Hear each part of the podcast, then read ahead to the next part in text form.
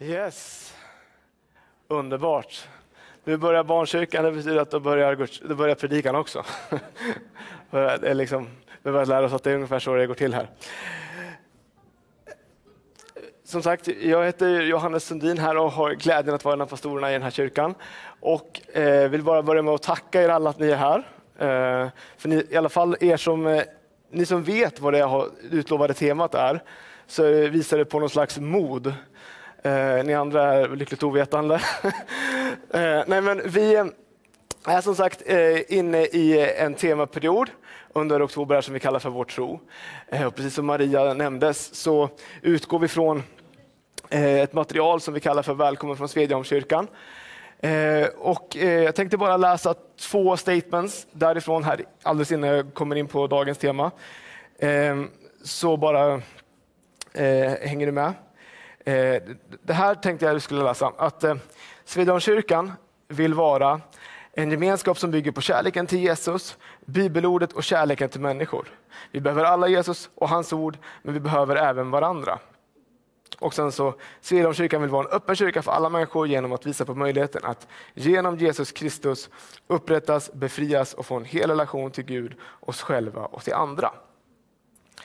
Och det här mina vänner, när vi vill leva så här, vi vill följa Jesus, vi vill hålla oss till, till hans ord, så är det så att vi kommer, om vi tar honom på allvar, någonstans bli tvungna att inte smälta in utan sticka ut. Och därför så, eh, medan vi är på väg till dagens tema, så tänker jag bara, faktiskt bara eh, påminna oss om en eh, en fråga som vi fick av Thomas Dixon för några veckor sedan. Räknar du med att du som Jesu lärjunge ska bli mer och mer populär i Sverige framöver?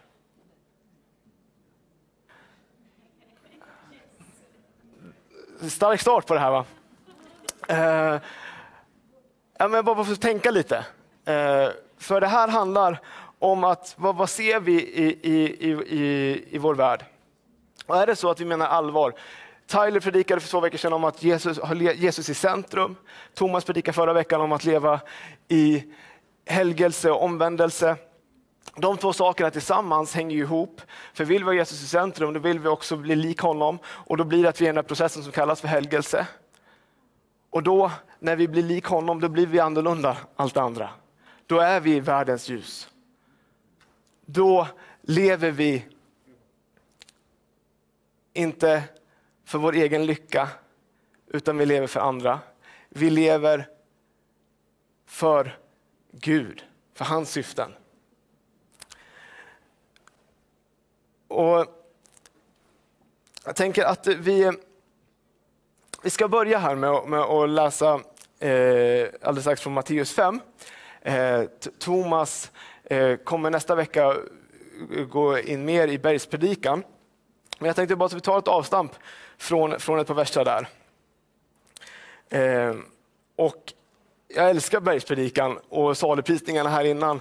De är verkligen, om ni har läst dem, så är det ju saliga är de ödmjuka, saliga är de som, som, som skapar frid. Det är verkligen en beskrivning av en Jesu lärjunge.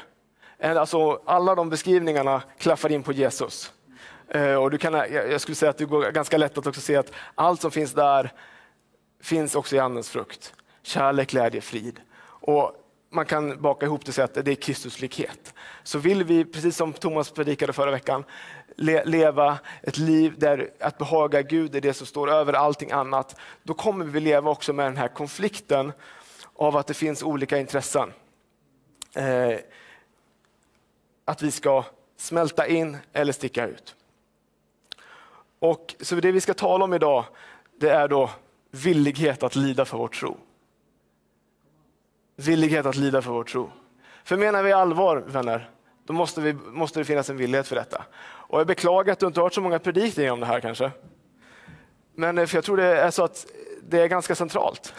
Sen jag fick det här ämnet eh, till, tilldelat till mig, så bara när jag läst Bibeln de senaste veckorna, så har jag bara sett lidande överallt. Det finns överallt. Alltså när Jesus talar om, om, eh, om eh, den välkända liknelsen om såningsmannen, då står det faktiskt om de som är, det som faller bland stenarna. Det är de som tar emot det och håller fast vid ett litet tag. Men sen står det, när det kommer förföljelse och lidande, då ger de upp. Så förföljelse och lidande, det är liksom eh, inget sådär valfritt tillägg. Det är inte som att sådär, nu beställer din burgare om det blir plusmeny eller inte. Utan det ingår i paketet. Eh, så därför så tänker jag att det är bra att vi pratar om det. Så att vi kan tackla det på rätt sätt när det kommer. Eh, och för om vi, om vi inte pratar om det kanske är för att det inte är liksom ett superpopulärt ämne att prata om. I alla fall i vår bekväma värld, allt ska vara så smidigt och enkelt. ni vet. Och så, men om vi då inte pratar om lidande, då är vi inte förberedda heller. Så om vi inte har någon förkunnelse om lidande så har du illa förberedd. Men förkunnelsen ska ju rusta dig så att du är inte illa rustad utan väl rustad att kunna möta motgångar, förföljelse, lidande. Så eh, jag hoppas att, att eh, jag har er med på tåget. Eh, så, nu ska jag, som jag lovade, vi ska gå till eh, Matteus 5. Står det så här. Saliga är de som blir förföljda för rättfärdighetens skull. För de tillhör himmelriket. Saliga är ni när människor hånar och förföljer och ljuger, och ljuger och säger allt möjligt ont om er för min skull. Och gläd er och jubla för er lön är stor i himlen. På samma sätt förföljde man profeterna före er.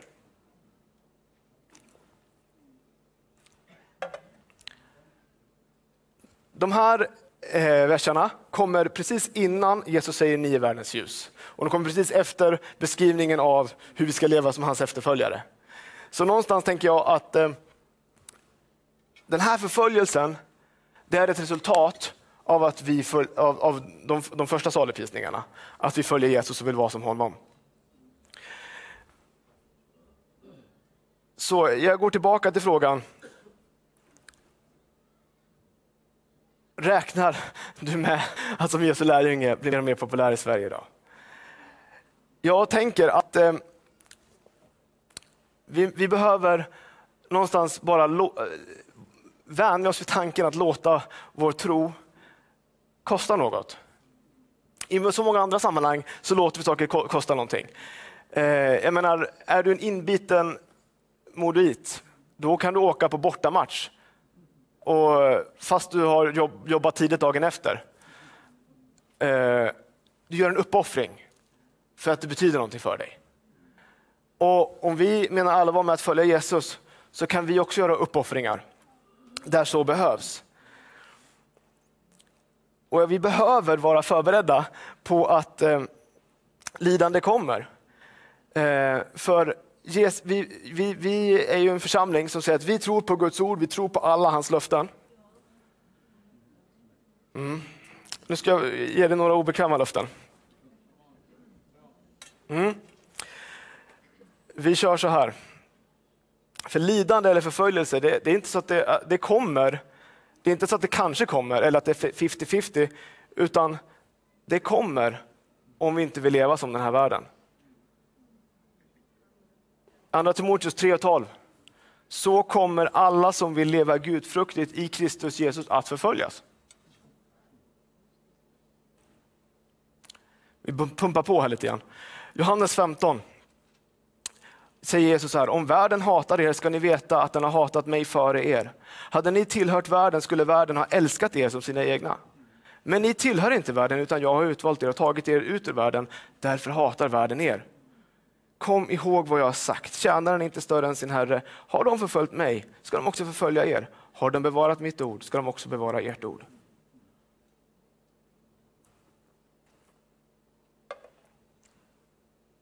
Vi är inte av den här världen. Vi är, som, vi, vi är Guds barn. Vi har ett himmelskt medborgarskap. Vi behöver vara trygga i vår identitet för att kunna tackla det vi möter. Jesus säger senare i, i, i samma evangelium, bara ett kapitel efter, han säger så här att i världen får ni lida. Men, men, eh, men var frimodiga, jag har övervunnit världen. Och så säger han, och det här har jag sagt för att ni ska ha frid i mig. Så att när, när Jesus talar om det här med lidande, att det väntar, så är det för att vi ska kunna vara trygga. Hej, det här, det här var inget oväntat. Jesus, vi har vår frid i Jesus. Han är fortfarande kungars kung och herrars herre. Han är vår frälsare och han går med oss genom eld, genom vatten. Paulus säger så här i Andra Korinthierbrevet 12 och 10. Och därför glädjer jag mig över min svaghet, misshandel, nöd, förföljelser och ångest för Kristi skull. För när jag är svag, då är jag stark. Du och jag kanske inte lever i en, i en del av världen där, man, där misshandel och förföljelse är en del av det pris vi får betala för att vi tror på Jesus. Det finns jättemånga i, i vår värld som lever under helt andra omständigheter. Du, kanske, du som är här eller du som följer oss och lyssnar kanske själv kommer från ett land där, där det är så att skulle du åka tillbaka dit skulle du göra det med fara för ditt liv. Men, och saken är att miljontals människor har fått betala med sitt liv för sin tro. Fram till 1900-talets början så räknar man med att det är 25 miljoner martyrer.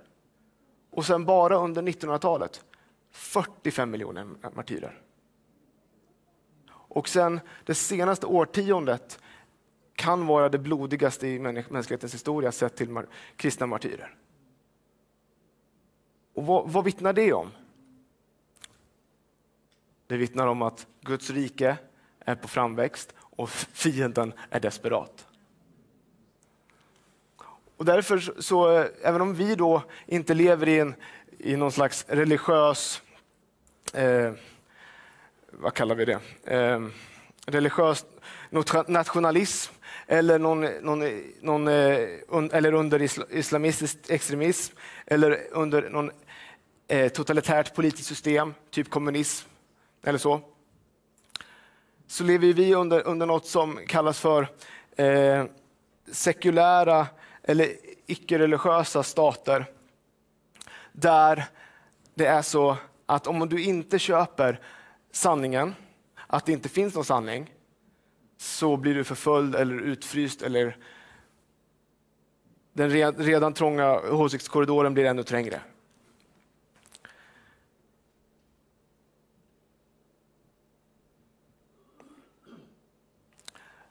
Och Jag tror som sagt att, att vi behöver vara beredda på, på, på ett sätt kärvare tider. Och jag tänker att jag talar om det här med villighet att lida för vår tro gör ju att vi är förberedda oavsett vad vi möter. Eh, och Jag tror att det är väldigt viktigt att vi börjar, börjar där. För vet ni vad? För att det är inte när lidandet väl kommer som avgör hur villiga vi är att lida för vår tro utan det avgör vi innan.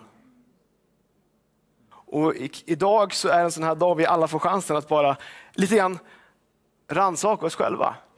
Se över våra hjärtan, se över våra liv.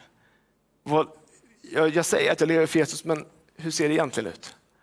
Och då är det så att Gud är så god att han kommer att genom sitt ord, genom sin ande verka här mitt ibland oss, verka i våra hjärtan och bara dra oss till sig så att vi kan få möta med honom och kan få kliva ut ur det här rummet.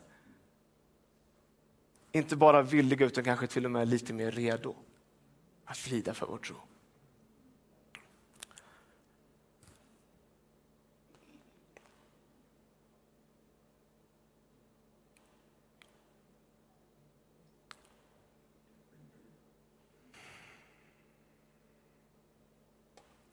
Tänker att vi ska ta en titt, titt eh, lite grann på en, en eh, av Jesu eh, lärjungar som eh, jag har eh, studerat lite den här veckan.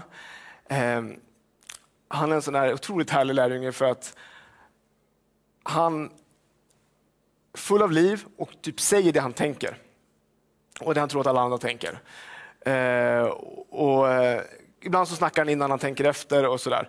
Ehm, och det är så här, friskt vågat, hälften vunnet. Eh, och jag snackar om Petrus förstås. Eh, då han ena stunden är den som säger Jesus, du är Messias, den levande Gudens son. Och sen bara liksom lite senare i samma samtal, så när Jesus börjar förklara att han ska lida och dö det bara liksom välter upp och ner på, på, på Petrus världsbild. För han har tänkt att Jesus är en Messias i bemärkelsen politisk befriare och han ska störta romarna och Petrus ska få en fin ministerpost i Jesu regering. Och då säger han, nej men hallå det där Jesus, det är inget för dig va? Du ska inte hålla på och lida. Han predikar mot lidande. Det var första anti-lidande predikan som Jesus direkt bara, bort från mig Satan, back off. Och sen i, sam, i samma andetag så säger Jesus, om någon vill följa mig ska han ta sitt kors och, och förneka sitt liv och ta sitt kors och följa mig. Och det här med att ta sitt kors, alltså det måste varit, alltså vi, vi tänker, ja, ja det är ju så en fin, fin bild, Jesus. Så. Och vi kanske tänker på att man har kors på smycken och sådär. Men om vi bara tänker på vad, de som lyssnade, för Petrus och gänget. För dem var inte ett kors en, eh, liksom ett halsmycke. Det var ett brutalt avrättningsredskap. Det var så brutalt och grymt att inte ens romerska medborgare fick avrättas med det. Utan det var liksom för att statuera exempel och det var fullt av skam och förnedring. Så då när Jesus säger det här så tänker de, va? Skam, förnedring. Snacka om lidande. Någon har sagt att det här var Jesus, Jesus sätt att liksom undervisa och även kalla folk att, för han, säger, han predikar samma sak även till större skaror. Det är den minst manipulativa inbjudan som en religiös ledare någonsin gjort. Om ni förstår vad jag menar. Men Petrus, han går från att se på lidandet som något negativt till att förstå att det här är en del av vår kallelse. Och, men det är, det, är, tre F, eller tre för-ord, som jag tänker tala om här idag. Eh, som har med, med, med det här med lidandet och ta vårt kors. Och det första som jag vill att bara ta, ta, säga någonting om, det är ordet försakelse. Försakelse är en uppoffring genom att avstå från något, säga nej till något, nö, något som vi, vi kanske egentligen behöver, något nödvändigt, eller något av nöjen. För ett högre syfte ofta. Och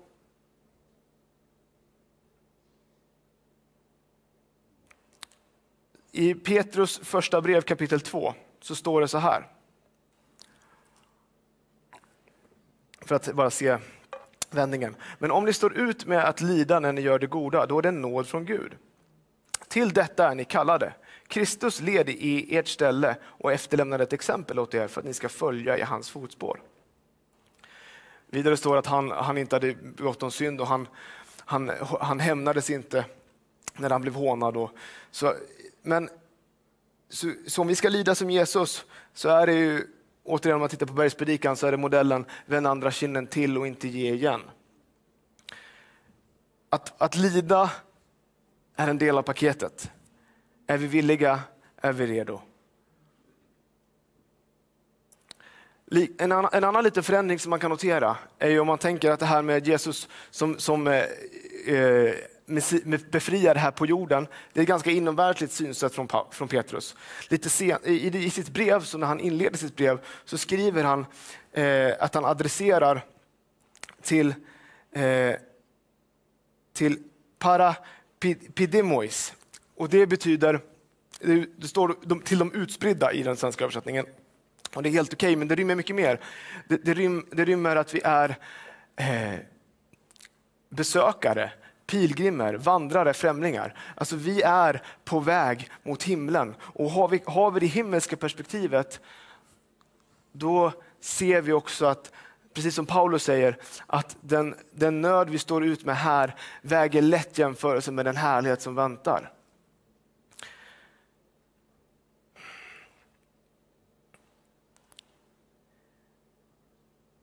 Petrus, han eh, visste också vad, vad ordet förföljelse innebar. Förföljelse, det är att förfölja fysiskt eller psykiskt förtryck, särskilt på grund av avvikande idéer, religion, hudfärg eller så. Om man slår upp det. Och förföljelse var ju något som den tidiga kyrkan verkligen levde i. Förföljelse är inte heller något som vi behöver vara rädda för. För att förföljelsetider har alltid varit kyrkans blomstringstider. Och eh, Petrus säger vidare så här i sitt brev. Mina älskade, var inte förvånade över den eld som ni måste gå igenom för att prövas, som om det var något oväntat som, som, som hände er. Nej, gläd er ju mer ni delar Kristi lidanden, då ska ni också få jubla och vara glada när han uppenbarar sig i sin härlighet. Saliga är ni när ni hånas för Kristi namns skull, för härlighetens ande, Guds ande vilar över er. Och när han säger det här, för övrigt saliga är ni om ni hånas, känner igen liksom salighetsbeskrivningen från, från Matteus. Men i alla fall, när han säger det här, för det, var, inte det, var inte förvånad över det eldprov ni går igenom. Det är eld, eld, så kan man säga eldprov. Och när han säger det, så för oss är det kanske mer bildligt, men för de som tog emot det så var det kanske bokstavligt. Det bilden ni ser här, det är när staden Rom brinner och det var under kejsar Nero. Och det var förmodligen då som det här brevet skrevs. Nero var en eh, skvatt galen kejsare kan man säga rakt upp och ner. För att bara lista några grejer. Han eh, mördade sin egen mamma. Han mördade sin första fru, förmodligen sin andra fru. Och grejen var att han ville bygga nytt i stan och när inte senaten stöttade det, då brände han ner halva stan. Uh, under flera, flera dagar som de inte kunde släcka den. Och sen så, när den väl har brunnit, så skyller han på den redan utsatta lilla minoritetsgruppen, de kristna. Det var de som satte eld på stan. Och de kristna, de fick uppleva riktig förföljelse. Alltså de kastade till gladiatorerna, de blev inlindade i djurskinn och kastade trovdjur. De blev doppade i vax och blev levande facklor under hans fester och tillställningar. Så när han säger eldprov, en eld att gå igenom, så är det verkligen bokstavligt talat. Och du och jag kanske inte lever i det bokstavligt, men det kanske känns som att vi går genom eld. Men om det känns som att vi går genom eld så har, han, har Gud sagt, om du går genom eld så ska du inte bli svedd. Om du, så ska inte lågan bränna dig heller, för jag är med dig. Skulle vilja bara, innan vi sen ska landa i en liten gammal testamentlig berättelse, så ska jag bara summera eh, de, här, de här två så att säga, det jag pratat om som är liksom någon slags konflikt. Vi lever i att vi vill följa Jesus men vi har en annan eh, värld runt omkring oss som vi uppmanas att inte anpassa oss efter. Men att vi uppmanas att inte anpassa oss efter den här världen måste betyda att om vi inte aktivt motstår det så är det så att det finns krafter som vill påverka oss att anpassa oss efter den här världen. Och då är det så att eh, om vi inte passar oss då, så är det så att vi, vi faller för att leva smidigt och bekvämt. Lever vi smidigt och bekvämt, som det är det som är liksom vår livsstil, då blir det att vi undviker motstånd. Vilket i sin tur leder till att vår tro faktiskt blir svagare. Tror det eller ej, motståndet faktiskt hjälper inte din tro. Och när tron blir svagare, då är livet tomt.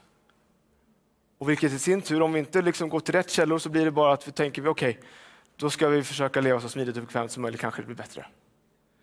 Men om vi, om vi då tar den andra modellen, att vi lever överlåtet och frimodigt, då ser det ut så här. Lever vi överlåtet och frimodigt, följer Jesus och vi står ut med att vara annorlunda, sticka ut och vara ljus i mörkret, då får vi möta motstånd.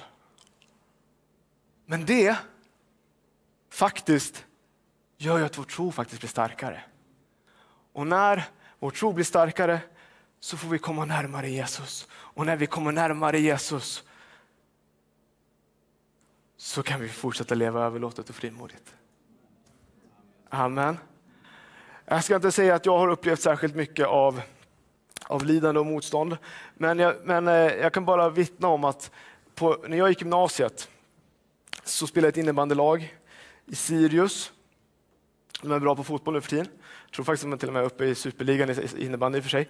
Men eh, det var deras juniorlag. Och, eh, vi var, jag och två killar till var kristna. Eh, och vi hade liksom så här, var inspirerade av ni vet, Kakao grabbarna i Brasil, Brasiliens landslag. Och så, så, tryckte vi upp såna här Jesus loves you t-shirts som man skulle så här, visa upp när vi gjorde mål. Liksom. Eh, tur att de andra grabbarna också hade den för att jag var inte den som gjorde så många mål. Så. Men i alla fall, eh, vad var jag skulle komma med det? Jo, eh, och grabbarna i laget, de så här, de sa, Jesus passa bollen. Jag bara, okej, okay, vad fan, jag kan kallas Jesus, det är ju han jag följer och vill vara som.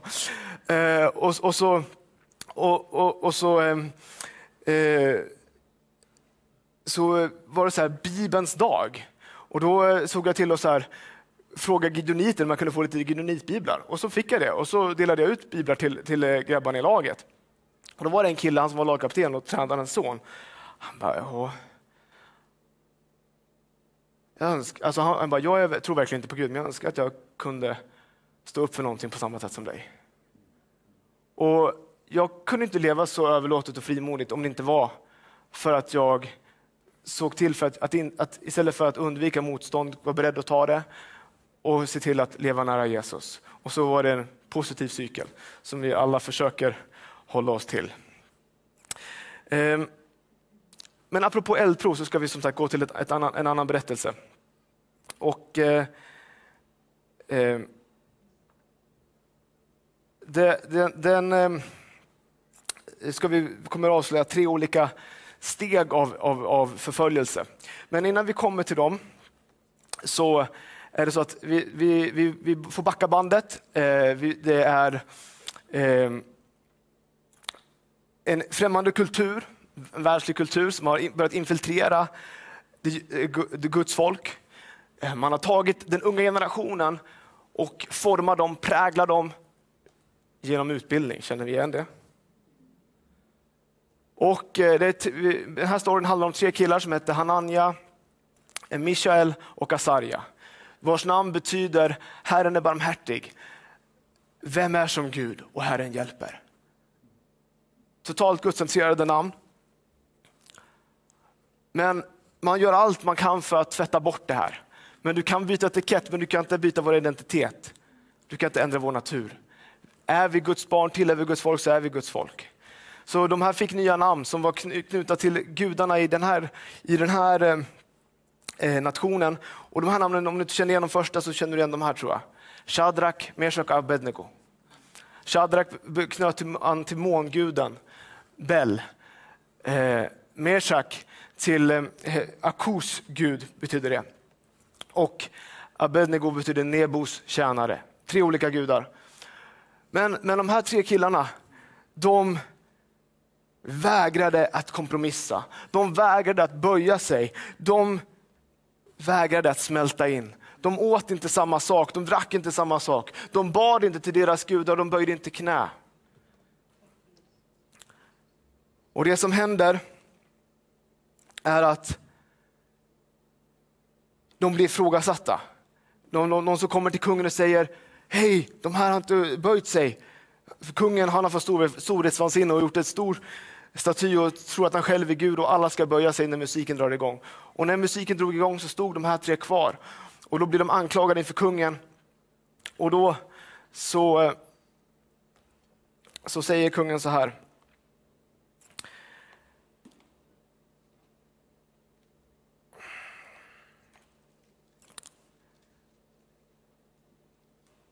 Då kommer, eh, först kommer de här och säger, säger då till kungen, här finns några judiska män, Shadrach, Meshach och Abednego som du har satt att förvalta Babels provins. De sätter sig eh, över ditt påbud och, och, påbud och kung och de dyrkar inte dina gudar och tillbör inte den gyllene statyn du ställt upp.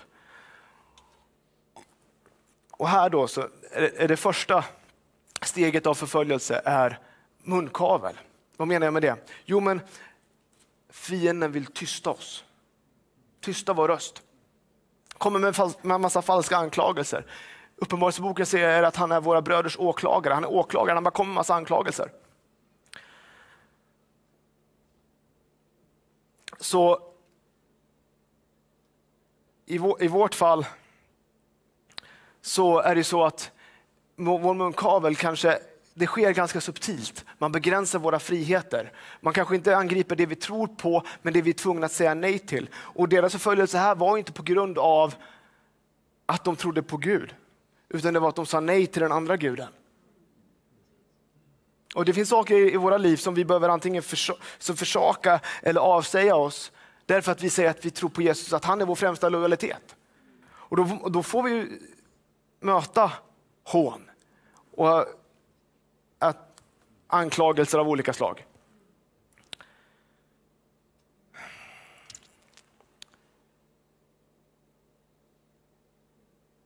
Det andra då som händer är ultimatum.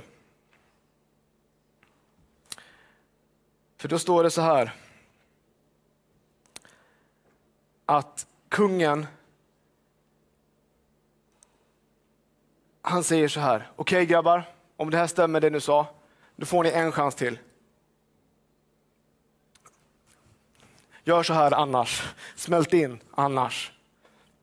Han säger, böj er, annars så väntar ugnen. Han tänker att han är, han är en gud med sitt eget helvete. Liksom. Och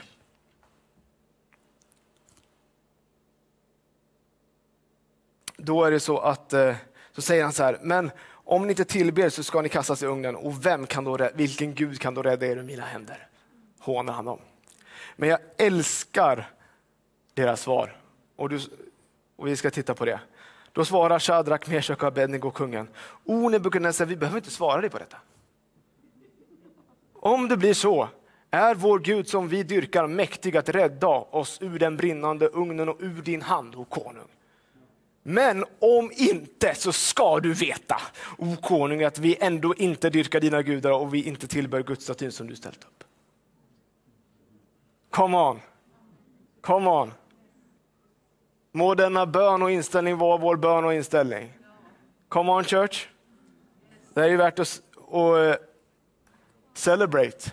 För ser ni, när motståndet kommer så blir deras övertygelse, deras tro blir starkare inte tvärt emot.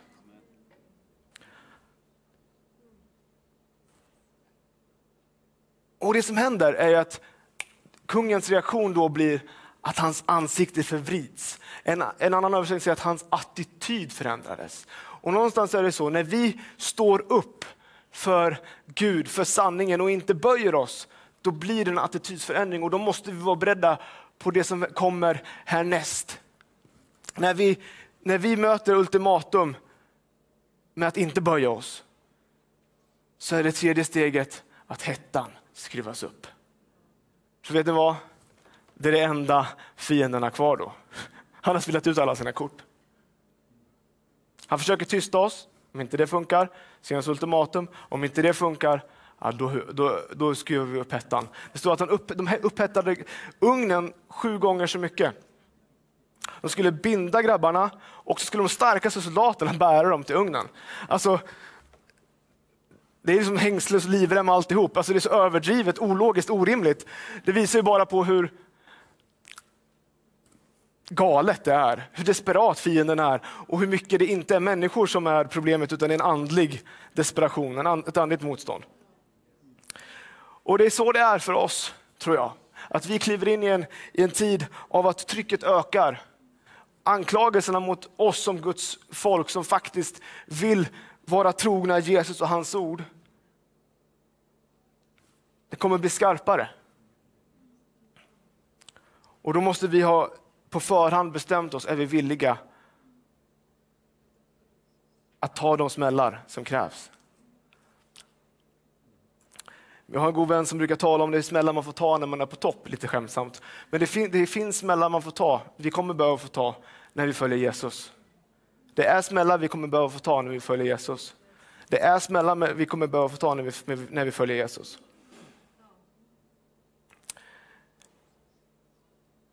Men det som är så häftigt med den här berättelsen, och som ni alla känner till, det är ju att när de kastas i elden så är det en fjärde man som vandrar i ugnen. Jesus, det står att kungen säger att den fjärde ser ut som en gudason. Jesus går med dem i elden och är det så att du upplever att du går igenom ett eldprov så går Jesus med dig genom elden. Jesus går med dig genom elden. Lågan ska inte, du ska inte bli svedd av lågan och du ska inte bli bränd av elden. För Jesus går med dig. Jesus går med dig.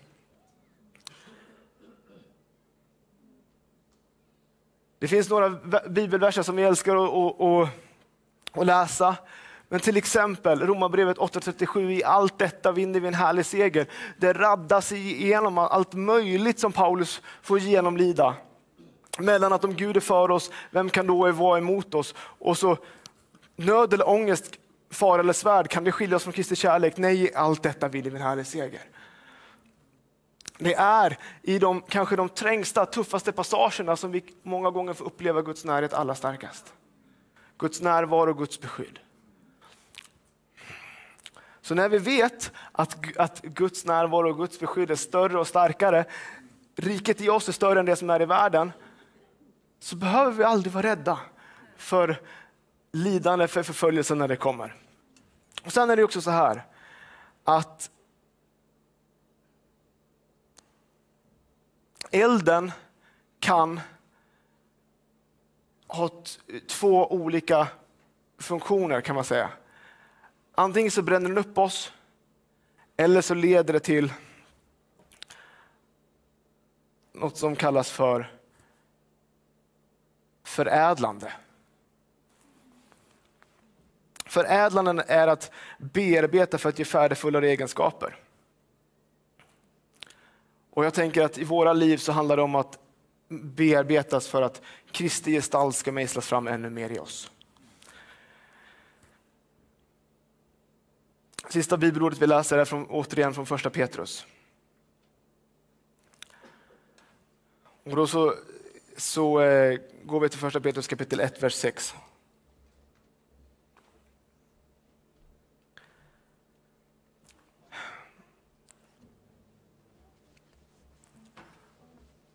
Hoppas ni kan förstå nu varför vi, vi, vi, vi, Petrus skriver som han gör. Var därför glada, även om ni nu en liten tid måste utstå olika prövningar. En liten tid, vi är på väg mot himlen.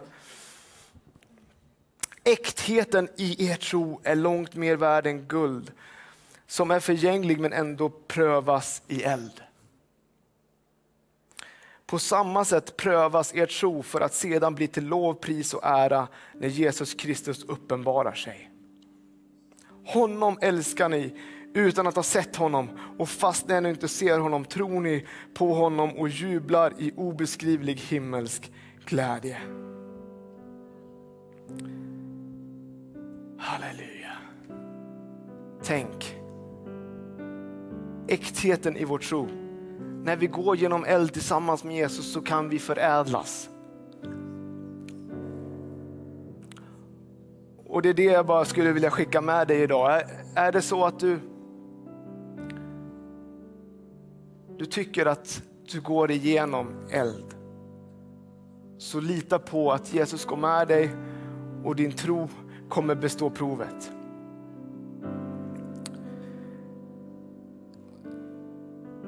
Om vi går tillbaka till de här två cirklarna vi, vi såg, såg på förut.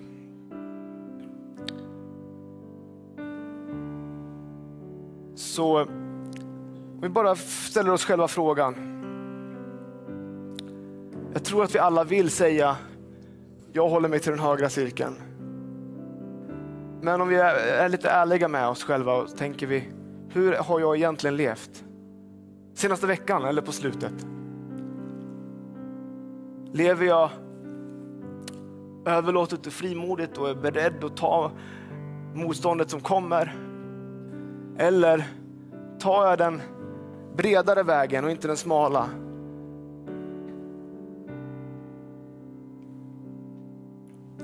Jag pratade med några syskon här i kyrkan för några, för några, några dagar sedan. Vi pratade om men vilket lidande, vilket, vilket pris kan du få, få utstå för att mena 100% allvar med Jesus?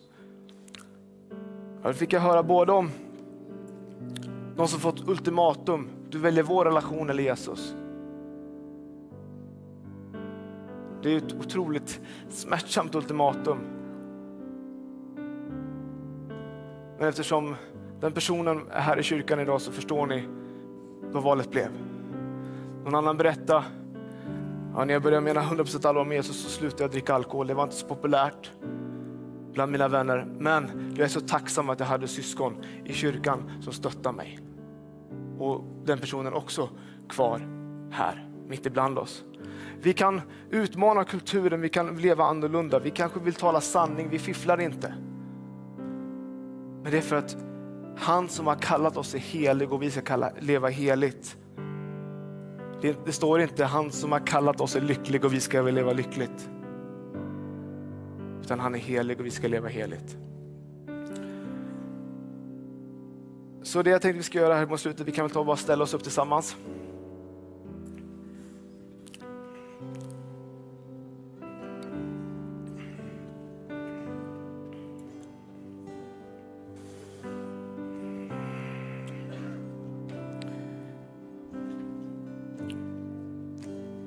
Tänkte bara att vi tar en stund tillsammans. Vi, vi, vi...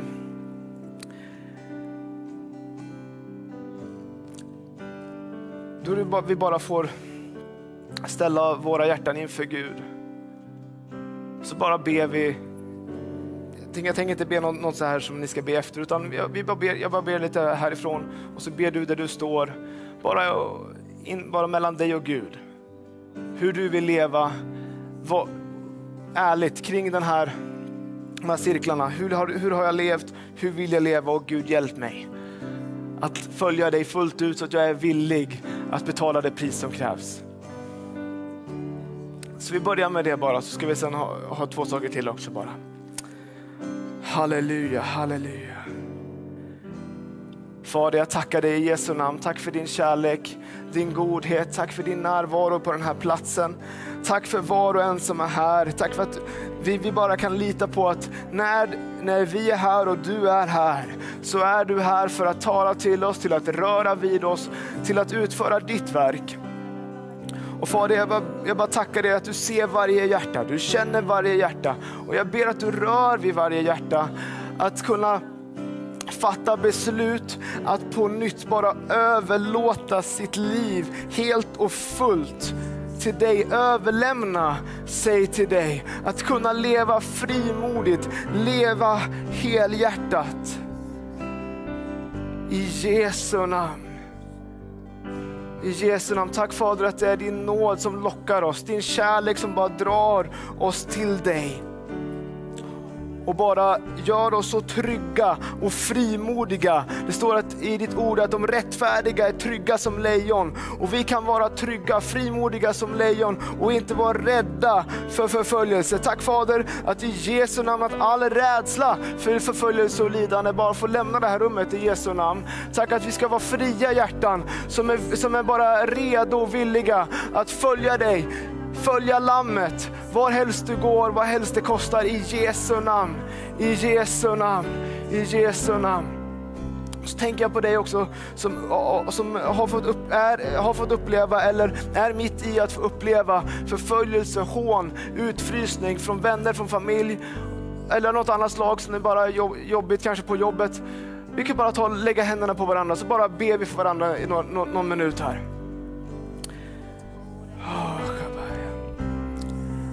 Far, jag tackar dig att du, du också bara ser varenda person. Du vet precis vart de befinner sig. Och Fader, jag bara ber att du bara på nytt ska bara visa hur god, hur kärleksfull och trofast du är. Att du är den som går genom elden. Du går med dem genom vatten. Vattnet ska inte dränka, lågan ska inte, ska inte svida. Nej, precis som Shadrach, Meshach och Abednego kom ut ur elden utan att ens lukta rök. Så tackar jag dig att du verkligen omsluter. Du är så nära. Du är med var och en. Och oavsett vad de går igenom så tackar jag dig Jesus att din närvaro, att du går med, är det som ska vara det mest påtagliga som vi bär med oss härifrån idag. I Jesu namn, i Jesu namn, i Jesu namn. Tack att du, att du, att du bara låter våra hjärtan vara så doppade i din kärlek, så trygga i dig. Oh. Tack att du tröstar den som behöver, du behöver tröst, du styrker den som är svag. Du lyfter den som känner sig nedslagen. I Jesu namn. Jesu namn. I Jesu namn. Halleluja, halleluja. Och så bara en sista, sista inbjudan. Är du här idag och du hör oss prata om att följa Jesus men du vet att du inte är där just nu. Antingen att du aldrig har följt honom eller du har gjort det men du inser att du har kommit på glid. Så vill jag bara ge dig chansen att få bara be en bön och den kan vi be tillsammans här. Vi bara ber efter mig. Så får du bara chansen att bara komma, komma till Jesus eller komma tillbaka till honom. Jesus Kristus, jag kommer till dig. Tack för att du älskar mig. Tack för att du har lovat att du ska gå med mig genom eld och vatten. Och Jesus, jag vill lämna mitt gamla liv. Förlåt mig min synd. Tack att du renar mig. Du är min Herre. Jag vill följa dig. Tack att du kommer leda mig i din goda vilja för mitt liv.